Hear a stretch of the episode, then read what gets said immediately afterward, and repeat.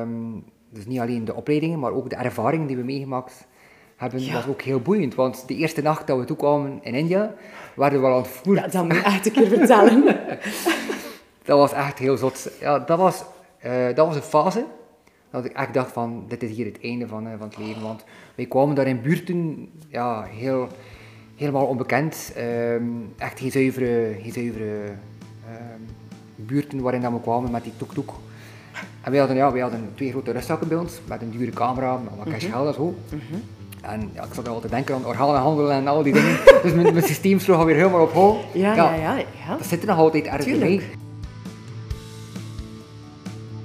Hey, hey. Zeg, tof dat je luistert. Welkom op de Tankslotti podcast.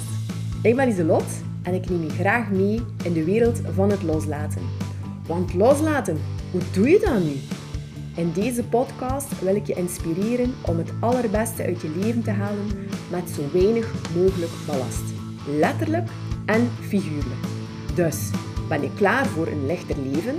Klaar om alles wat niet meer in je leven te hoort los te laten? Wel, dan zit je hier helemaal goed. Goedemorgen, Steen. Goedemorgen, Lizot. Amai, ik ben hier in een heel unieke locatie terechtgekomen. In Alveringham.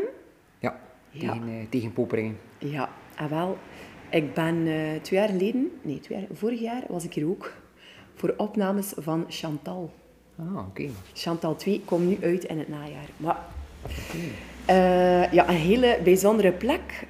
in eerste instantie omdat het is een brouwerij, een oude brouwerij. Ja.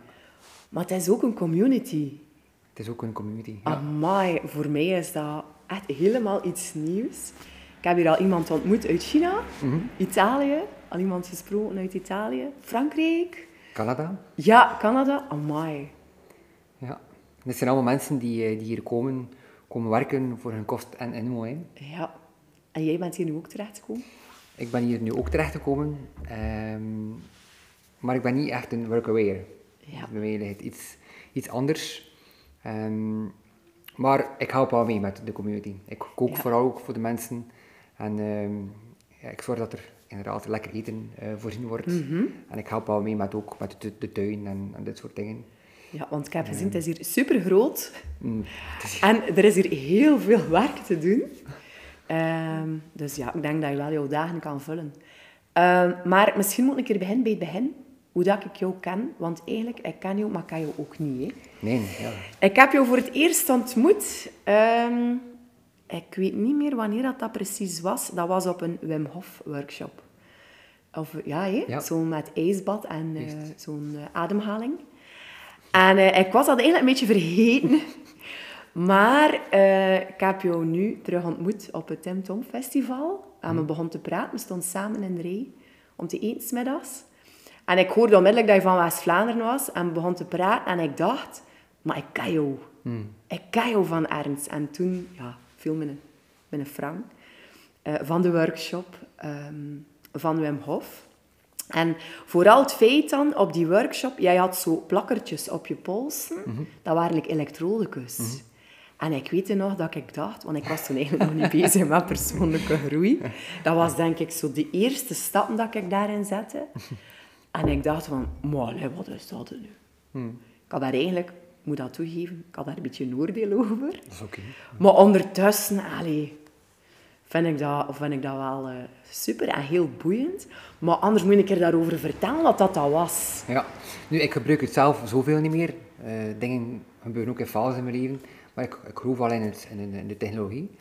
Dus dat waren eigenlijk eh, frequenties dat je eigenlijk via microstroom in je lichaam brengt. Dus die ervoor zorgen dat je frequenties, dus iedere, iedere cel heeft een frequentie, dus dat je op die manier ook je, je organen kan helpen helen, eh, beter laten functioneren, eh, dat je meer in harmonie komt bij jezelf, zowel mentaal, fysiek, emotioneel.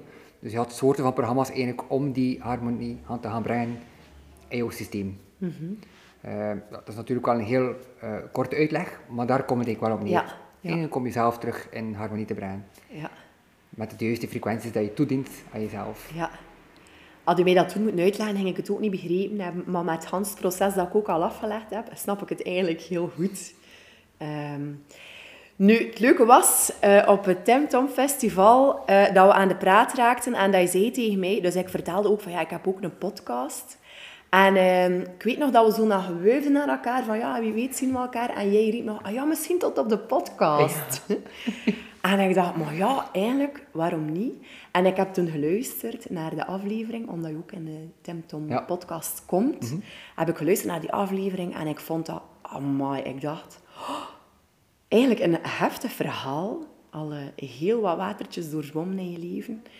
En zeker ook omdat de insteek vanuit de podcast, dan vanuit de Tankse Lottie podcast, gaat eigenlijk rond loslaten. Mhm.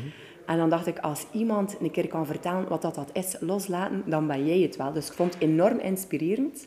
Dus ik ben wel heel dankbaar dat je het zag zitten en dat ik hier nu op die bijzondere plek hier in Alvringhem bij jou mag zitten. Ja. Um, wat dat er mij absoluut geraakt heeft, was het verhaal van uh, ja, toen dat ik klein was. Mm. Maar misschien laat ik het aan jou over, dat jij iets kan vertellen. Ik ben blij dat, dat ik ook nog iets was zeggen, Lisbeth. Dit is een grapje. Um, dus ja, ik ben opgeruid bij de getuigen van, van Jehovah. En ja, dat is een, een, een redelijke strenge opvoeding, waarbij je ook uitgesloten wordt in de samenleving. Mhm. Dus uh, op school zit je ook apart, dus je kunt niet deelnemen aan een godsdienstles of zedeleer. Uh, dat was een vrijstelling, dus ik zat altijd alleen. Dus, uh, en dat was ook heel moeilijk om, om dat uit te leggen ook aan de kinderen, aan mijn klasgenoten. En ik werd er ook heel vaak mee uitgelachen, ook van, ja, als kinderen dat niet begrijpen, dan, dan, dan trekken ze dat ook vaak in het belachelijke. Maar ook verjaardagen werden niet gevierd, feestdagen werden niet gevierd. Dus je valt een beetje uit de boot. En dat zorgt wel voor een, eh, voor een druk, voor een bepaalde druk van de maatschappij. Kinderen hebben het al moeilijk in de mhm. maatschappij en dat is nog mhm. een extra druk die erbij mhm. komt. En ik was ook verplicht om, om de, de vergaderingen bij te, bij te wonen. Dus uh, dat was een wekelijkse vergadering.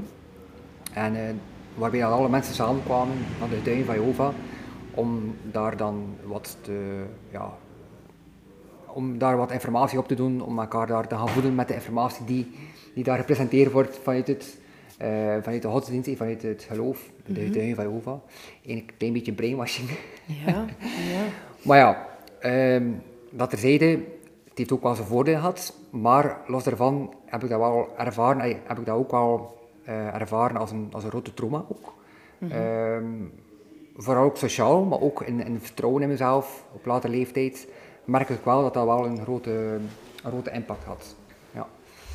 Um, Vooral ook omdat het moeilijk was om een eigen mening te hebben als kind, of als, zelfs als ik ouder werd ook, om te gaan staan waarvoor ik wil staan en waar, waar ik in geloof eigenlijk. En ik merk nu dat dat ook wel heel belangrijk is, ook nu, met de dingen waarmee ik bezig ben in mijn leven, is dat ik kan uitspreken waarvoor ik sta. Mm En waarvoor ik hier gekomen ben. Dus wat ik vroeger niet kon. Dus, uh, en dat heeft wel een enorme vrijheid. Mm Dus uh, ja, mensen worden ook uitgesloten ook in het systeem. Dus een van mijn broers uh, was ook uitgesloten, die is ondertussen gestorven. Mm -hmm. En mijn vader die is ook nog altijd uitgesloten, dus die mag geen contact hebben met, uh, met andere familieleden. Mm -hmm. Dus uh, het geeft heel wat heftige gevolgen, ja. eigenlijk. Hmm. Maar ik heb het ook gezien in mijn, om, in mijn omgeving. Een vriendin van mij, haar mama had daar ook aangesloten bij de getuigen van Jehovah. En dan wordt er inderdaad ja, geen verjaardag gevierd, geen kerstmis gevierd. En dan, ja, als kind doet dat toch iets hè, ja. uh, met jou. Um, en zeker ook, ja, op zich, ik kende eigenlijk ja, de getuigen van Jehovah, ik ken het niet zo goed. Um, maar zoals hij zegt, ja, dat verplichten, daar naartoe moeten, dat uitsluiten. Hmm. Uh, ja, dat, vind ik, dat zijn wel uh, pijnlijke zaken. Nu, um, ik weet ook dat jij um, dan op latere leeftijd kampte met angst- en paniekaanvallen. Ja, dat was eigenlijk al eigenlijk in, in de fase, als, was, als ik al wat jonger was eigenlijk. Mm -hmm. um, dan begon inderdaad die, die paniekaanvallen, die angstaanvallen, omdat, omdat ik die onderdrukking ervaarde. Mm -hmm. Dus die onderdrukking zorgde voor die angst en die, die energie die kwam, die kwam vastzitten.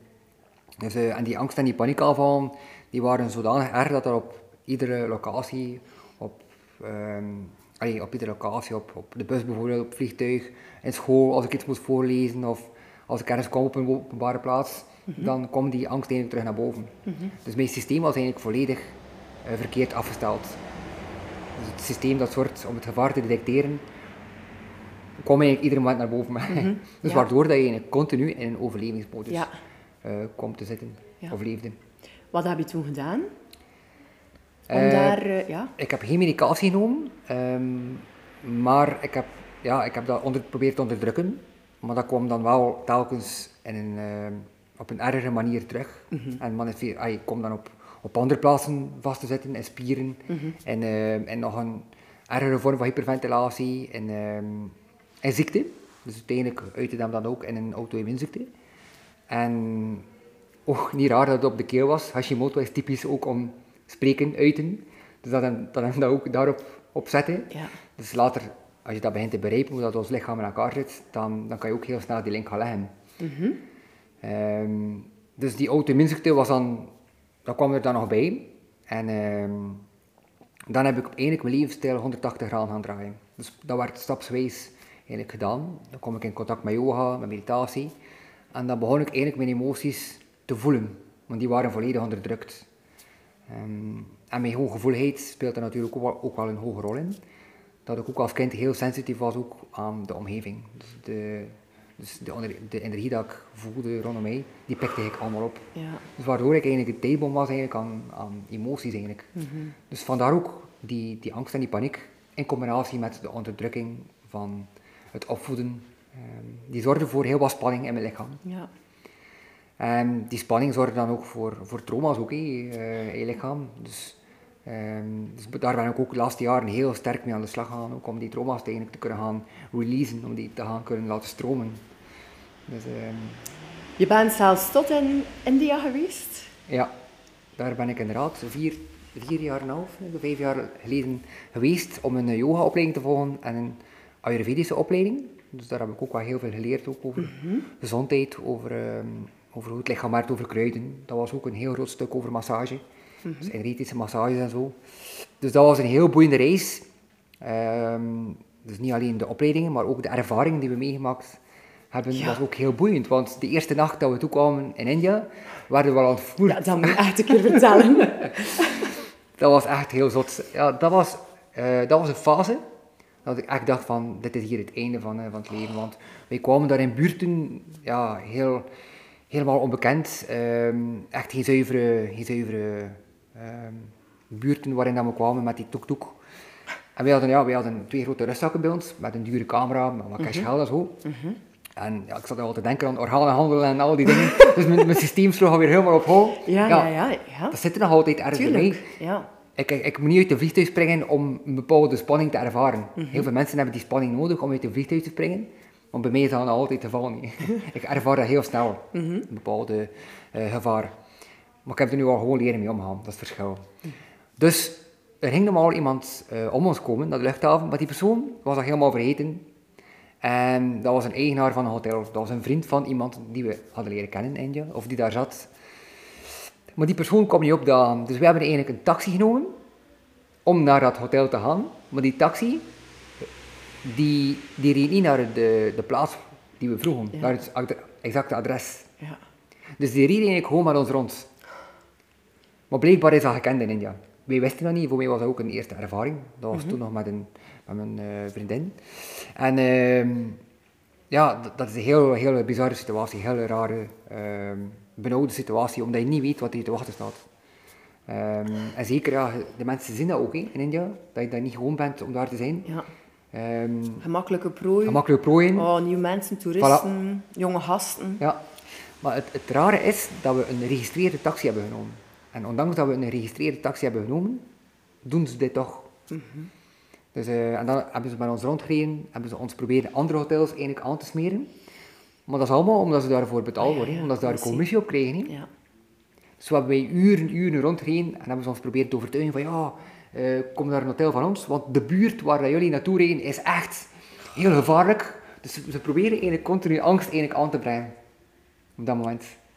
Om toch maar die commissie eigenlijk te gaan binnenkrijgen. Ja. Tot op een bepaald moment dat ik zei tegen mijn vriendin toen van, nu is het genoeg, ik keer terug naar België. ik kwam echt tot, ja dat was om vier uur s'nachts, vier uur en een half s'nachts Ja. ja, je hebt al een hele rit achter de rug eigenlijk om, om die voorbereiding te gaan doen. Om uiteindelijk dan naar de luchthaven te gaan, acht uur op vliegtuig.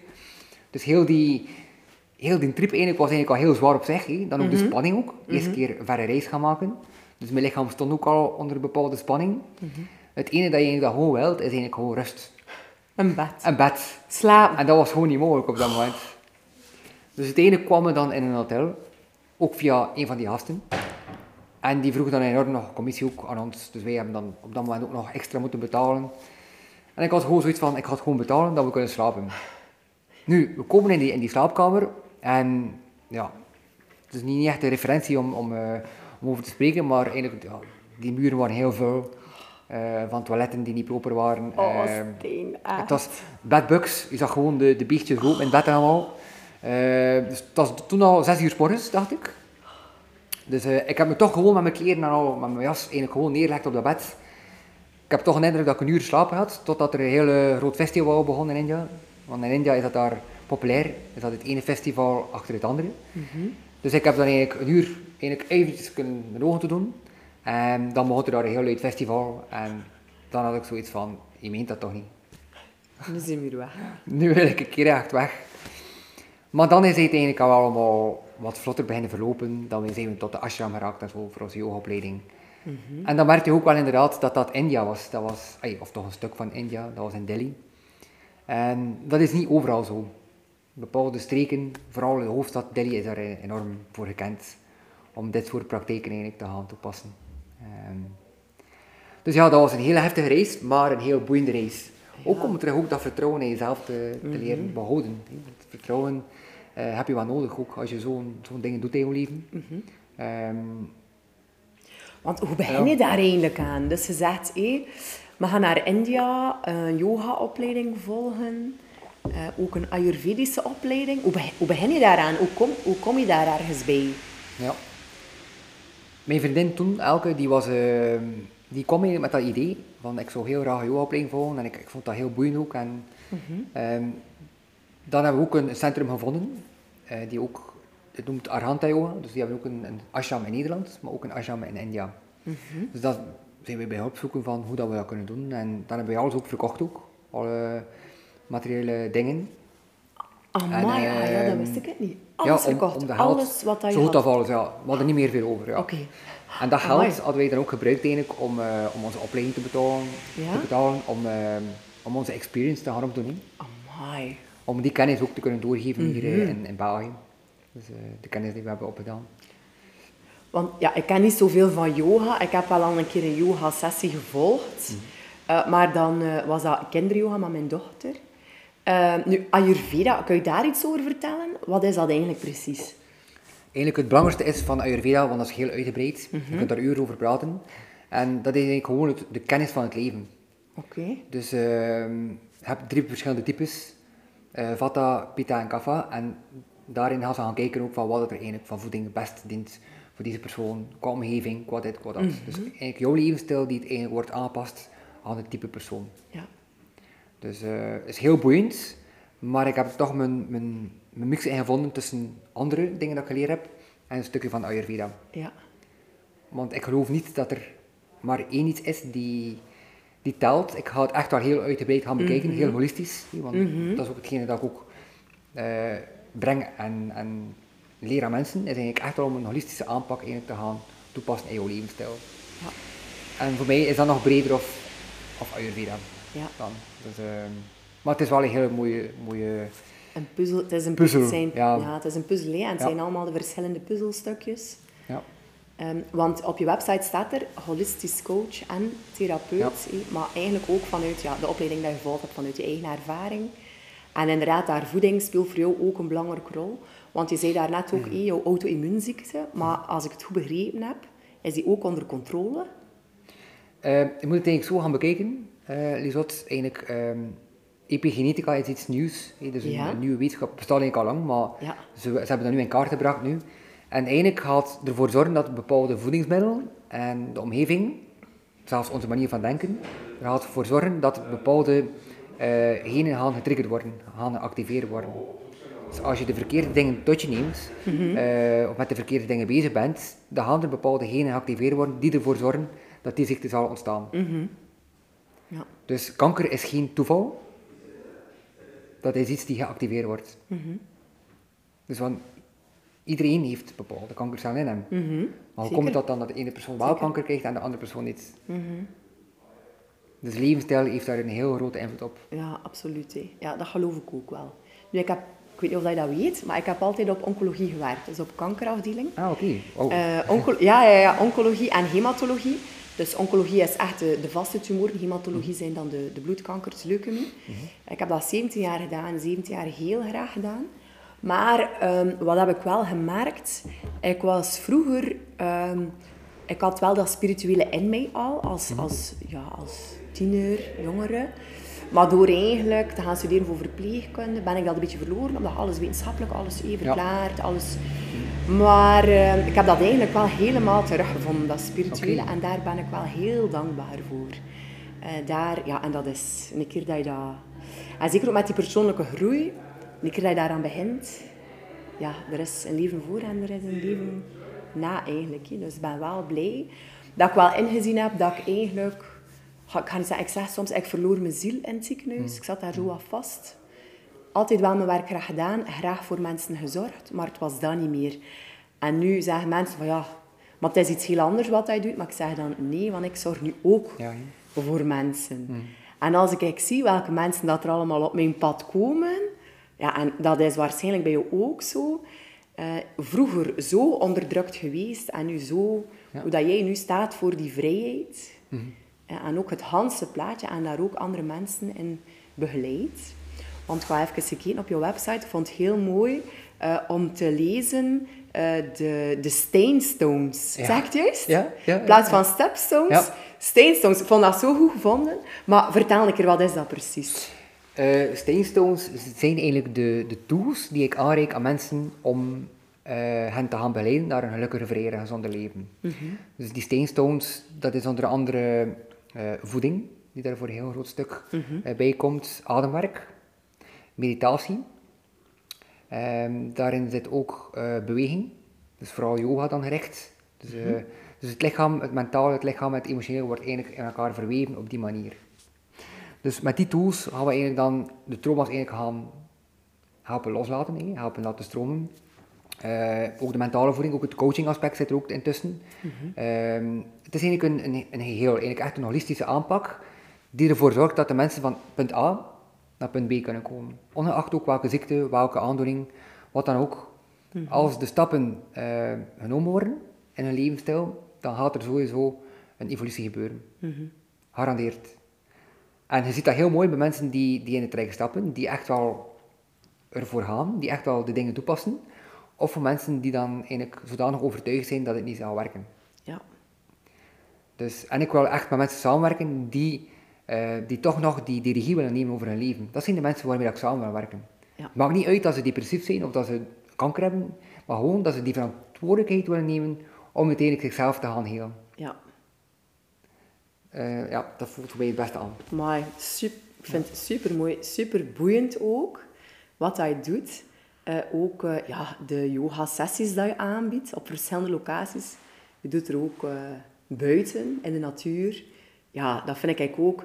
Als ik zie hoe helend de natuur is, en zeker ook vanuit het stuk dat ik doe vanuit wandelcoaching, hoe dat je ziet dat mensen tot rust komen. Ja, daar hebben we wel wat raakvlakken. Hè. We zijn heel verschillend. wel, hè? Ja, ja, absoluut, absoluut. Want waar dat je hier nu eigenlijk terechtgekomen bent, ja, is ook wel dicht bij de natuur. Hè? Ja. Het is inderdaad op een plaats die, ehm, waarin dat de natuur aan bod komt. Hè. Eh, eigen kippetjes, Ja. eitjes, volledig biologische eitjes van, van kippen die alleen maar biologische voeding krijgen. Eh, die alleen ook insecten eten. Dus geen granen, geen soja, geen, ehm, geen bewerkte middelen, geen bewerkte voeding. Dus ik kan eigenlijk heel ver gaan. maar- Ja, hoe puurder en hoe dichter je bij de natuur komt, hoe puurder en zuiverder dat je lichaam ook gaat eigenlijk eh, harmoniseren. En soms, ga- volgens mij zoeken we het soms veel te ver. Willen we dat gaan oplossen met bepaalde supplementen en dit en dat. Maar eigenlijk door al een keer de eerste stap te gaan nemen, door te gaan connecteren met de natuur, dan kom je lichaam eigenlijk al in een staat van harmonie. En gaat het jou aantonen ook, gaat het jou ook zeggen ook, wat je op dat moment nodig hebt. Heb je daar een bepaalde, heb je misschien een aantal tips voor de luisteraars dat je zegt, goh, dat zijn toch zo, zo basic dingen. Zo dingen dat je makkelijk kan implementeren in, in je leven, die jou helpen om ja, dichter ja, bij jezelf te komen. Ook dichter, ja, ook ja, een gezonder leven. Eigenlijk al de, de stukken die je al verteld hebt, die daarin passen. Ik ga nu spreken vanuit mijn eigen ervaring, Ja, maar ik ook ja. leren aan andere mensen. Ik vind de ochtend heel belangrijk. Dus als je wakker wordt, heel veel mensen die gaan denken aan, aan bepaalde zorgen die ze hebben, wat er nog, welke rekening dat er nog moet betaald worden, ehm, welke acties die er nog moeten gebeuren, de boodschappen, een werk, Mhm. maar op. Dus de mallemoon die eigenlijk volledig aan het draaien is in je hoofd. Maar eigenlijk is dat het moment eigenlijk dat je kan gebruiken om ehm eventjes tot dicht bij jezelf te komen. De ochtend is daarvoor heel goed voor mij, ehm, ook voor heel veel andere mensen, omdat je daar eigenlijk vanuit een harmoniserende toestand eigenlijk je dag kan starten. En dan merk je ook dat de dag veel vlotter gaat. Dat je ook dingen aantrekt tot je die helpen ehm, jouw leven in een goede baan leiden, ik ga het zo zeggen. En wat doe je dan heel concreet bijvoorbeeld? Voor mij is dat bijvoorbeeld, ik neem 's morgens de tijd om ehm wat hartcoherentieoefeningen te doen. Dat is dan 10 minuutjes uh, hartcoherent dat ik adem. En dan daarna doe ik nog een half uurtje meditatie bijvoorbeeld. Of dat is dan in combinatie met eh, wat diarree-oefeningen, trauma releasing exercises. Of gewoon wat bewegen om mijn lichaam, om die energie te laten stromen. Ja. Dus ik werk ook heel afwisselend. Ehm, soms is dat een bepaalde structuur erin zit. Ik ga gewoon luisteren naar mijn lichaam wat het op dit moment of op dat moment dan nodig heeft. Dus dat kan zijn dat er een bepaalde spanning zit in mijn rug, dan ga ik die rug eigenlijk gaan losstretchen. Dus echt gaan luisteren van waar zit er uh, zo'n blokkade in mijn lichaam. Dus ja, boeiend. op die manier. Dat is ook iets dat ik geleerd heb ehm, van mijn eerste coach. Dat is eh, Delphine Coach, die woont ehm, richting Brugge. Ehm, en daar had ik geleerd om ook ehm, s s'morgens mijn GPS in te stellen. En om te gaan kijken van, kijk, hoe wil ik mij vanavond voelen? En wat heb ik daarvoor te doen? Ehm, en wat heb ik dan ook nodig vandaag? En ik vond dat zo'n goede oefening. En ook gewoon leren, wat heb ik nu nodig? Dat vind, dat vind ik ook een belangrijke. En dat, gaat dan, dat kan heel simpel zijn. Hé. Bijvoorbeeld, ehm, toen dat ik naar hier reed, ja, een klein uurtje in de auto, dan vraag ik aan mezelf van, wat heb ik nu nodig? Naar wat wil ik nu luisteren? Eh, en dat gebeurt dat dan een podcast is. Dat gebeurt ook dat dan een keer niets is. En nu ehm, had ik zoiets van, ah, maar ik heb nog een keer goesting om naar Star Sailor te luisteren.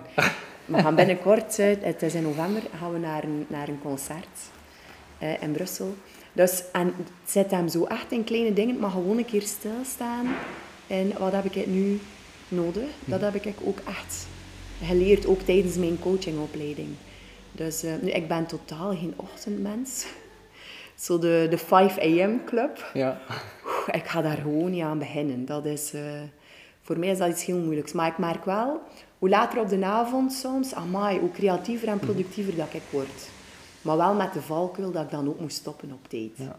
Omdat je daar dan zo in doorschiet, dan moet je gaan slapen. Je kunt dan niet slapen, dan lig je wakker. Maar ik ben wel een goede slaper, het is daar niet van. Maar ja, mooi. Heel, eh heel leuk. Maar daar zit ook terug de kunst om terug te gaan luisteren. Eigenlijk. Ja. Bepaalde ochtendmensen, bepaalde types zijn actiever in de, in de ochtend. Mhm. En bepaalde mensen die worden actiever in de avond. Dus je kunt niet gaan zeggen van je moet alles in de ochtend doen. Dus het is echt puur gaan luisteren, persoonlijk naar je lichaam, van wat, Mhm. je, wat dat er jou op dat moment eigenlijk Mhm. ehm, energie geeft. En, en ja, wat je op dat moment ook wil. Mhm. Je lichaam vraagt. Zeker. Als je lichaam vraagt om te slapen, als je lichaam moe wordt, dan moet je die signaal niet gaan negeren. En dat doen mensen veel te veel. Als ik zie mensen hé, zeggen, oh, maar ik ben moe. Oh, rap nog een koffie, nog een Ja. Red Bull erbij. Hup, doordoen, doordoen. Het zit ook een beetje in die... Ja, ik kan, ik kan niet zeggen dat het specifiek West-Vlaanderen is, maar zo dat, hé, dat niet rund naar voren doen en vooral hé, Ja. keihard, keihard. Hé. Blijven Dus, eh, doorgaan. ja. Tot dat ah, breekt. Ah, wel. Ja, als je nu ziet hoeveel mensen dat er gebroken zijn, hoeveel mensen dat er zich ook verdoven, is dat ook iets dat, je, dat jij merkt in, bij je klanten? Of mensen die tot bij jou komen? Ehm, ik denk dat het iets is dat ik opmerk bij iedereen. Zelfs soms bij mezelf nog, dat ik vaak eh, vanuit een bepaalde staat toch iets naar iets zou grijpen om te eten. Eh, of ja, dan, daar word ik dan bewust van en dan zeg ik tegen mezelf van, ah Stijn, kijk, voilà. Je zou nu iets eten om die bepaalde uh, emotie te gaan onderdrukken of, of die op een andere manier te gaan laten invullen. Dus dat vind ik wel heel boeiend. En, ehm, en daar komen we dan ook terug op, op terug. In van hoe meer bewust je bent van jezelf, op ieder moment dat je op de dag bent, dan, ehm, dan kan je eigenlijk echt wel ehm, je leven gaan sturen en creëren. Mhm. En ook die ongezonde gewoontes eigenlijk te gaan van tussen gaan. Ja. Het vluchtgedrag of... of Wat is voor jou een ongezonde gewoonte? Dat je merkt, ah, dat is een beetje... Sowieso vind ik suiker al een hele ongezonde gewoonte. Mhm. Voor mij, als ik suiker eet, dan word ik daar één hyperactief van. Dan voel ik dat ook al heel snel in mijn hoofd. En je merkt het verschil ook als je zelfs een paar dagen geen suiker eet. Dan voel je je heel stuk rustiger. En op het moment dat je dan terug suiker, suiker eet, dan voel je terug die een bepaalde activatie in je lichaam, zenuwachtigheid of, of ja, mhm. een hypergevoel. En als je er al sensitief voor bent, dan, dan valt er nog meer op, vind ik. Mm -hmm. voor kinderen die ADHD hebben en zo, en die andere, andere concentratiestoornissen hebben, of noem maar op, is suiker een, eh, een heel grote boosdoener. Mm Ik geloof heel erg dat we heel veel met voeding kunnen doen. Ik weet nog dat, dat Wim, mijn man, ook een keer een verhaal vertelde van een collega mm. met een kind die, uh, ja, ik ga niet zeggen heel moeilijk was. Um, ja, totdat ze eigenlijk voor dat kind ook uh, Hans het voedingspatroon hebben omgegooid. En mhm. dat ze ook zijn, amai, we hebben een ander kind. Ja, dus, ja, dus hoe dat dat is. Maar zelf merk ik dat ook. Hé. Een keer een weekendje, dat je... ja, hé, receptie, uh, hapjes... Uh, ja. Je drinkt dan al een keer iets. Ja, ik drink al niet veel alcohol, maar ik weet, die alcohol pakt heel veel van mijn energie. heel veel. Ik moet daar echt van recupereren. En dan op het einde van het weekend, dat is hij doodmoe. Maar totaal geen energie meer, leeg van gewoon eigenlijk, ik kan niet zeggen brol te eten. Maar uh, dat is ook iets waar dat ik heel goed op let, ook naar de kinderen. Ik geef dat ook mee. Bijvoorbeeld snoep koop ik niet. De snoep dat wij hebben, maar dan de echte, ja, de beertjes en de veters en de, zo die dingen, nee. Ik koop dat niet. En het snoep dat we hebben, is echt van gekregen. Ja. En dan, en ik zie ook, ja, ik moet vaak ook wel snoep weggooien, gewoon omdat ze het niet, ze zijn niet gewoon. Ja, ik koop wel Het zijn dan mensen die zeggen, maar ja, ze gaan het dan stiekem doen en als ze ouder worden, dan gaan ze dat kopen dat je dat niet ziet. Maar eigenlijk valt dat heel goed mhm. mee. Mhm. Ik ben toch wel blij met hetgene wat ik zie, zeker al bij die oude, oude ah ja, 14 en 16 dan. Zeker onze oudste, die is ook heel erg bezig met gezond eten. En nu ook, ja, je gaat nu naar de fitness fruit, masker, havermout, die dingen. Ja, ze vragen dan al naar extra's. Mag ik dat of dat? Ik zeg nee. Alles uit je voeding halen. Eet een keer een extra eetje, een keer wat extra capsule, die dingen. Hmm. Dus, uh, maar ik ben wel blij dat ik dat kan meegeven. Maar ja, dat, die voeding, ja, nu, kom erop terug. Nu, wat ik nog wil toevoegen aan voeding ook, uh, mm daar ben ik ook al in geëvolueerd, voor mezelf vind ik, is dat ik meer intuïtief ben te eten. Dus dat het niet meer is mhm. om te gaan vasten morgens of, of, mm -hmm. of drie maaltijden vast te gaan zetten of twee maaltijden. Mhm. Gewoon eten wanneer ik honger heb. En soms is dat één maaltijd per dag, soms is dat er twee. Amai. Soms is dat, soms is dat ook drie maaltijden, afhankelijk van... Mhm. Maar dan merk je ook van dingen die je eet. Als je ehm, veel suikers eet, dan ga je ja, suikerspiegel onstabiel worden en dan heb je sowieso sneller honger. Mhm. Dus het, het, is echt heel afhankelijk van, van wat je eet. En um, dat is ook een goede tip ja. Ik kan meegeven aan de luisteraars van wat hij eet, zorgt er ook voor van hoeveel hij gaat eten. Ja, dat merk ik ook met brood. Ik eet enorm graag brood, maar ik mag er echt niet veel van eten. Want als ik brood eet, dan heb ik zo'n drang voor nog meer mm. brood. En dan... En ja, ik word er ook moe van, hè. Want ja, moet ik er een blech broodje eten smiddags. Wat gebeurt er achteraf? Ik denk dat er een boek van bestaat, het brood, de broodbuik of zo. Ah, ja. Moet misschien een keer dus, lezen. Dus, uh, brood is ik eet wel heel graag brood. Nu, ik ga niet zeggen, brood is slecht, dat zeg ik niet. Hoor mij dat niet zeggen. Mensen moeten zoeken wat dat erbij hen past. Ik denk dat dat het belangrijkste is. Je kiest dan bijvoorbeeld voor dat intuïtievere eten. Mm. Voor mij, ik ben enorm goed met dat vasten. Mm, ja. Dat is echt iets, ik denk dat ik dat nu al een drietal jaar doe. En dat is niet dat ik nooit meer s morgens eet. Als ik dan goesting heb om een keer iets te eten, en zeker een keer in het weekend, dan doe ik dat. Maar ja, dat geeft mij... Ja, ik voel mij daar veel, veel beter bij. Ja, Want als ik s morgens eet, twee uur later heb ik weer honger. Mhm, mhm. Of het gevoel, het gevoel, dat ik honger heb, maar ik heb het eigenlijk niet nodig. Dus, eh, ja. Het is ook een programmering hè, in, onze, in, onze- Mhm. in ons systeem. Dat we, we zijn zo geprogrammeerd om drie keer per dag te eten. Mhm.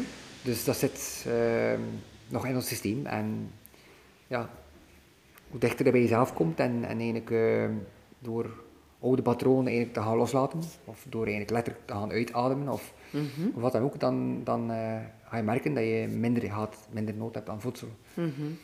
Ja, we hebben eigenlijk echt niet veel nodig. Hè. We weten denk ik allemaal veel te veel.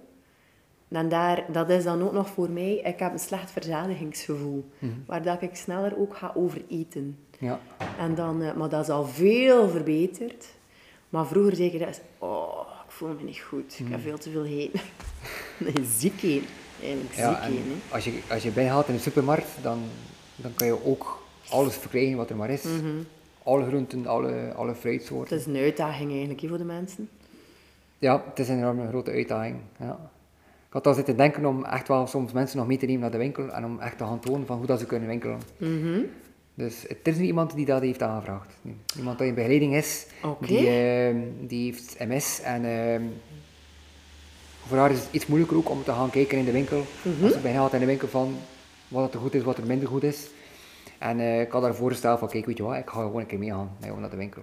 Mhm. Dat je een keer een idee hebt van, ja, wat dat wat is en wat er, wat er jouw lichaam eigenlijk dient. Wat tof. Ja, Oh, tof. Echt hele persoonlijke begeleiding. echt heel persoonlijk. Ja, de manier hoe dat mensen bereidt is ook heel persoonlijk. Dus dat zijn ook één aan één trajecten en Ja. mensen kunnen letterlijk mee 7 op 7 bereiken. Dat wordt niet gedaan, maar dat, dat zit wel inclusief de coaching. Ja. Of het traject. Ja. Omdat ik weet dat het heel belangrijk is dat mensen die ondersteuning ervaren. Mhm. Ehm, ik heb zelf ook heel wat opleidingen gevolgd en ook coachings, ook mezelf laten begeleiden. En dat was altijd iets dat ik miste. Van is die persoonlijkheid, die, dat contact. En eh, voor mij is dat wel heel belangrijk. Zeker als het over gezondheid gaat. En, Ja. Dat is eigenlijk ook wel iets dat ik zeg tegen de mensen die, die op coaching komen van als er iets is, laat niet om een keer een berichtje te sturen of een keer een belletje. Als ik het niet direct kan opnemen, je moet daar niet mee inzetten. Ik bel dat wel terug wanneer dat, dat voor mij past. Eh, en ik heb dat eigenlijk ook met mijn coach. Als er een keer iets is, dat ik denk, ah, dat ik dan haar een keer een berichtje kan sturen. En dan stuurt ze zo vragen terug. En dat zijn dan op dat moment niet altijd de vragen die je wil horen. Hè? Nee, nee, nee. Maar dat zijn wel de vragen die helpen van... Ja, ik weet wel dat ze altijd gelijk heeft. En daar dan een keer eh, bij stilstaan en een keer gaan nadenken. Waar dat je dan weer helpt. Ja, inzicht krijgen in jezelf. Ehm, waar wil je graag nog naartoe met jouw praktijk? Want voordat we de podcast starten, had je het ook al over het buitenland en reizen en ehm, Wel, online programma's ook, hoorde ik je zeggen. wel, dus het online traject, ehm datgene bied ik nu al aan, om- maar dat wordt geoptimaliseerd. Dus Ja, dat ah, oké. Ja, dus dat is nog de bedoeling. En sowieso ehm, ben ik al bezig met workshops. Geef ik al yogalessen en de bedoeling is eigenlijk om retreats te geven. Dus starten met weekendretreats, weekretreats, zelf eventueel later nog een maandretreat. Dus om echt mensen eigenlijk te gaan volledig gaan eigenlijk, ja, herprogrammeren. Want het is die programmering die ervoor zorgt dat ze vastlopen in hun leven, of die ervoor zorgt dat ze ziek zijn. dus, en dat vraagt ook wel wat tijd ook, om tegen dat het lichaam zich gaat aanpassen.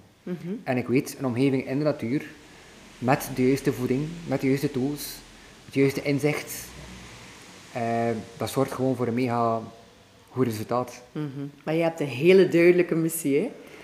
Ja, die missie is heel duidelijk. Dat is gewoon mensen terug laten gelukkiger, vrijer en zonder leven. Ja. Dat is iets, ik gun het iedereen om, om eh, gelukkig door het leven te gaan. En geluk is iets dat we, dat we zelf kunnen creëren, ongeacht ook in welke situatie dat je zit.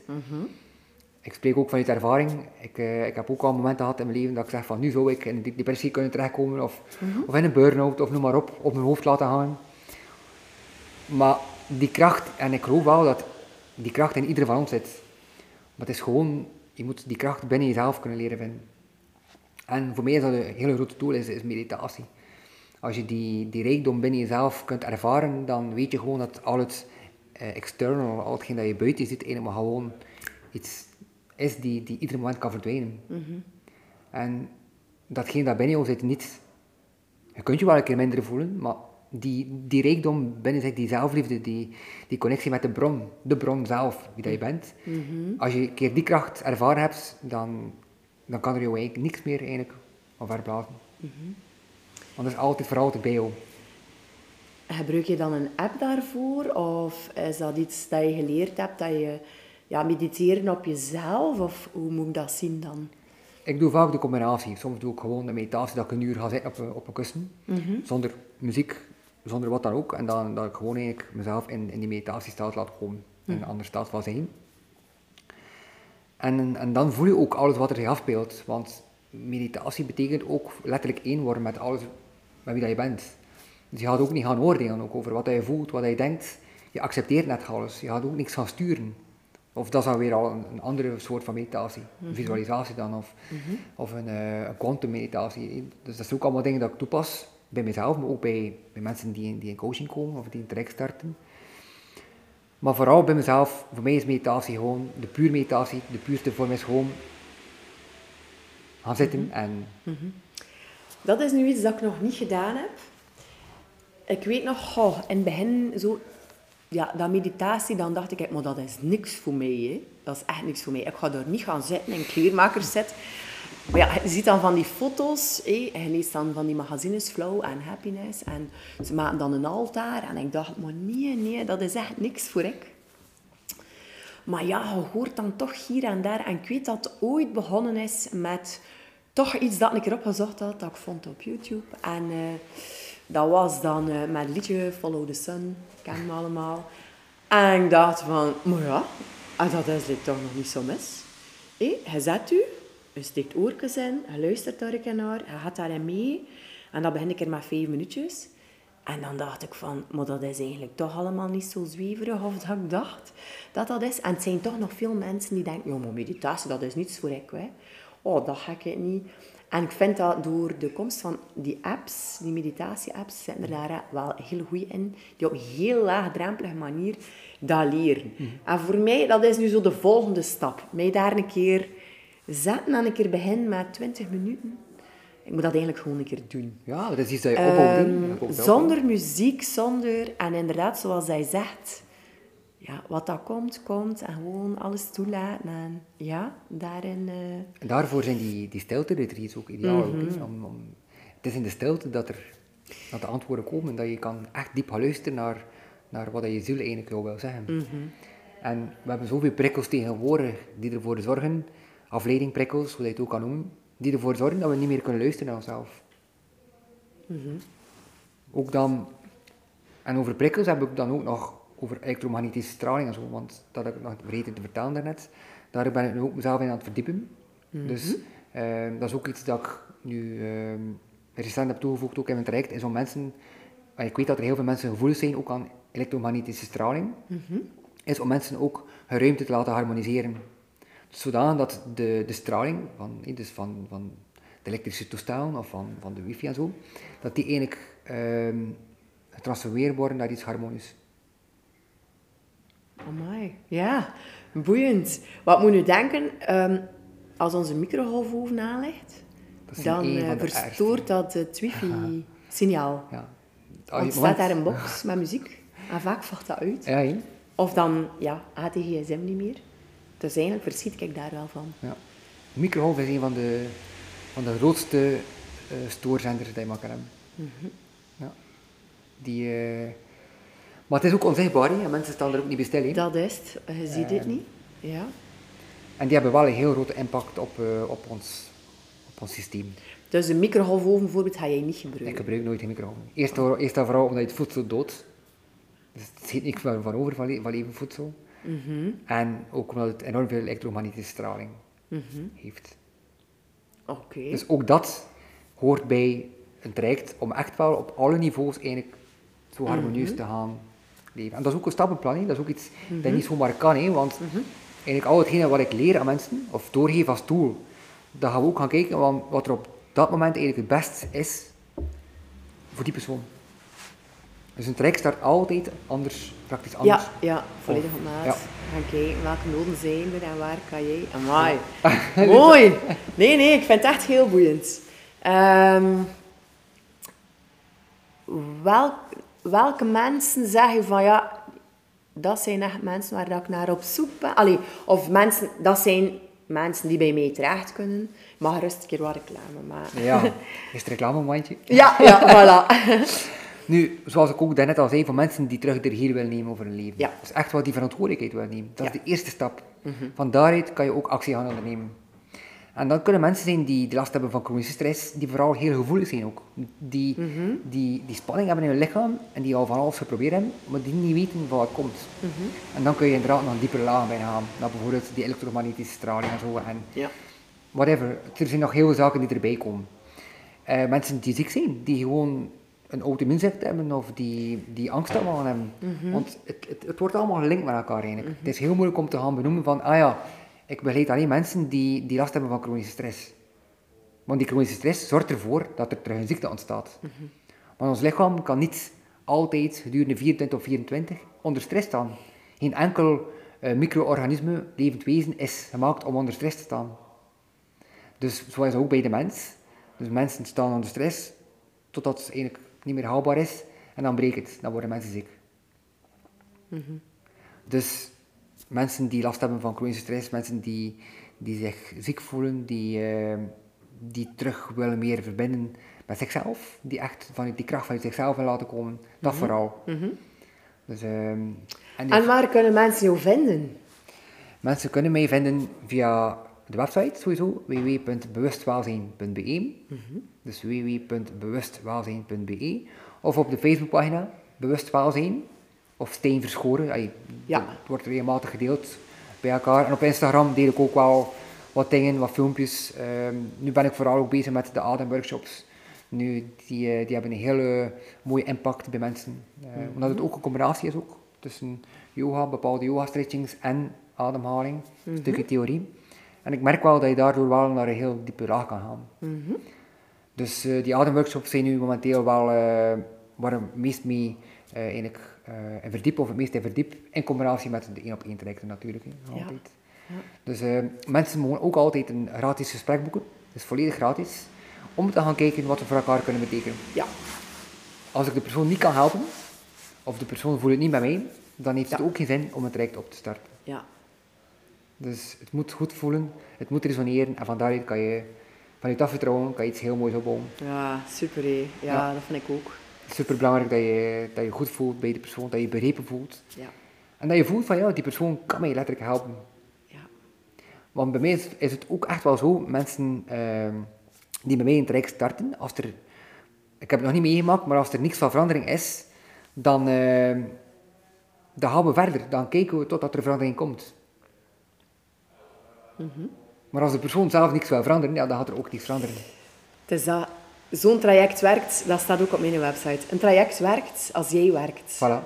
Ja, als, Het- wij kunnen het niet doen, hè. wij kunnen niet... nee, niet, mensen niet- moeten zelf het werk doen. Wij kunnen de tools aanreiken en, en daardoor kunnen zij dan gaan die tools tot zich nemen, gaan eh, toepassen op zichzelf en hun levensstijl, wat dan ook. En dan kunnen ze gaan ervaren wat er verandert. Mhm.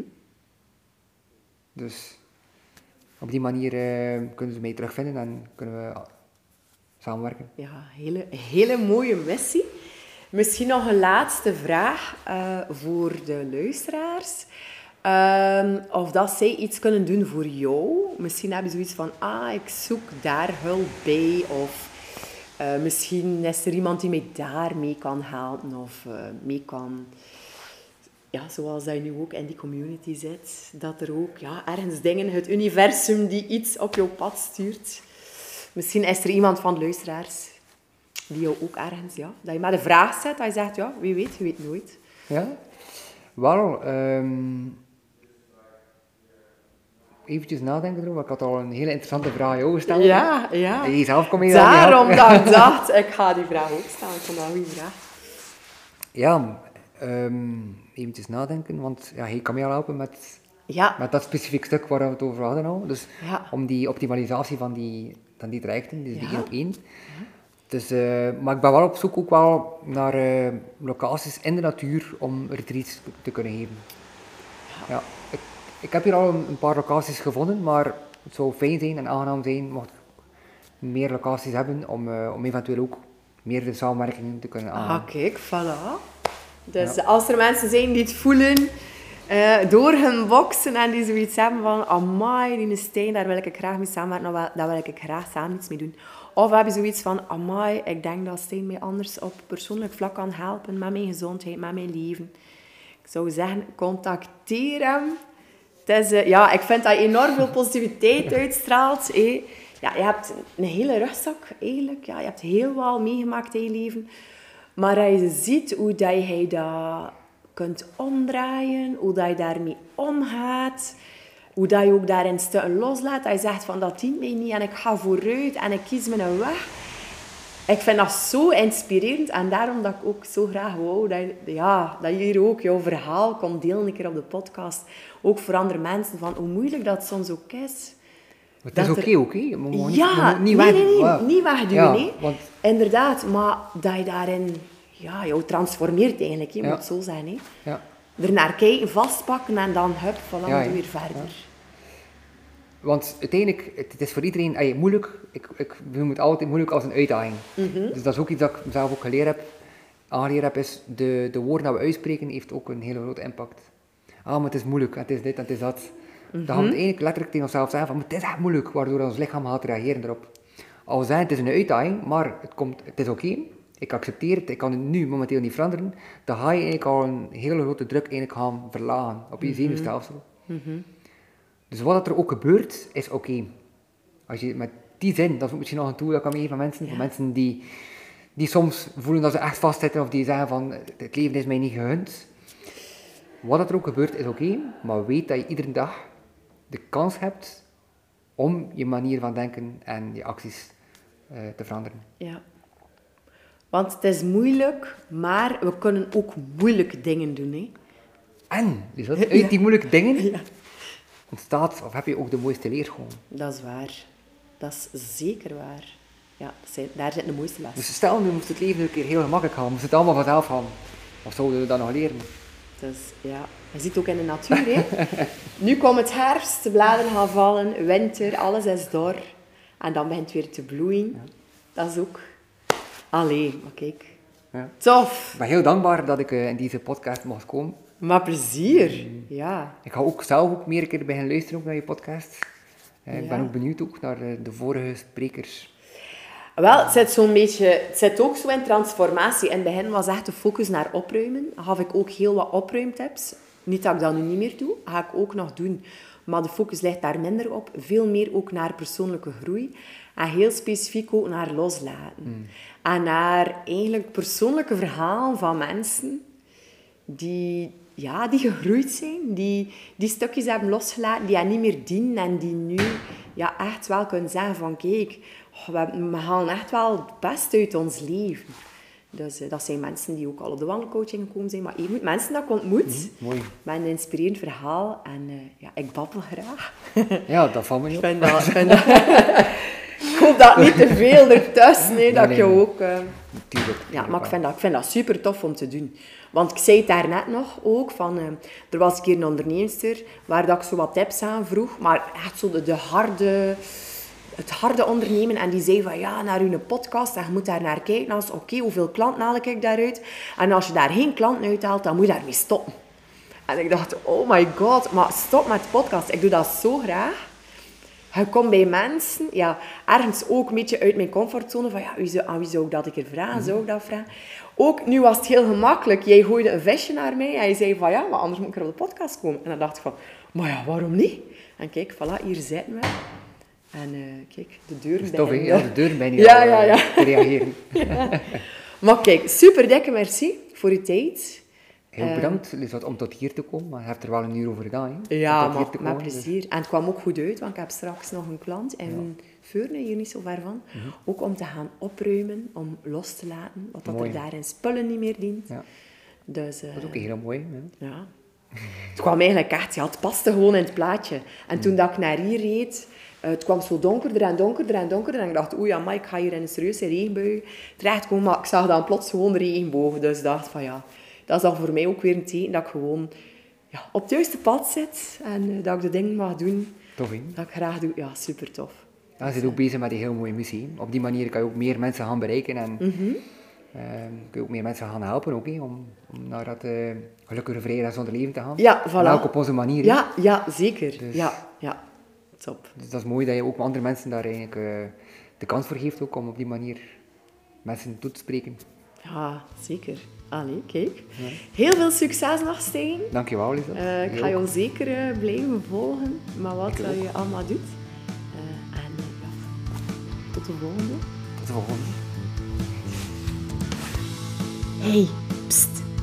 Mercietjes om te luisteren. Je kunt niet geloven hoe dankbaar ik je ben. Mocht je echt iets gehad hebben aan deze aflevering, stuur me dan een keer een berichtje. Maar echt, ik vind dat zo tof. En terwijl je dan toch bezig bent, geef mij ook een keer een paar sterren. Allee, liefst meer, maar hou. Het is al goede karma dat je daarmee krijgt. Zeg, trouwens, Hans dat spel hier, maak ik gratis en voor niet. Dus vind jij tof wat ik hier allemaal maak? Wel, check dan zeker een keer de link in de show notes. Dat is een chic woord voor de tekst dat je kan vinden hier onderaan deze podcast. Allee, tot dan en thanks a lottie!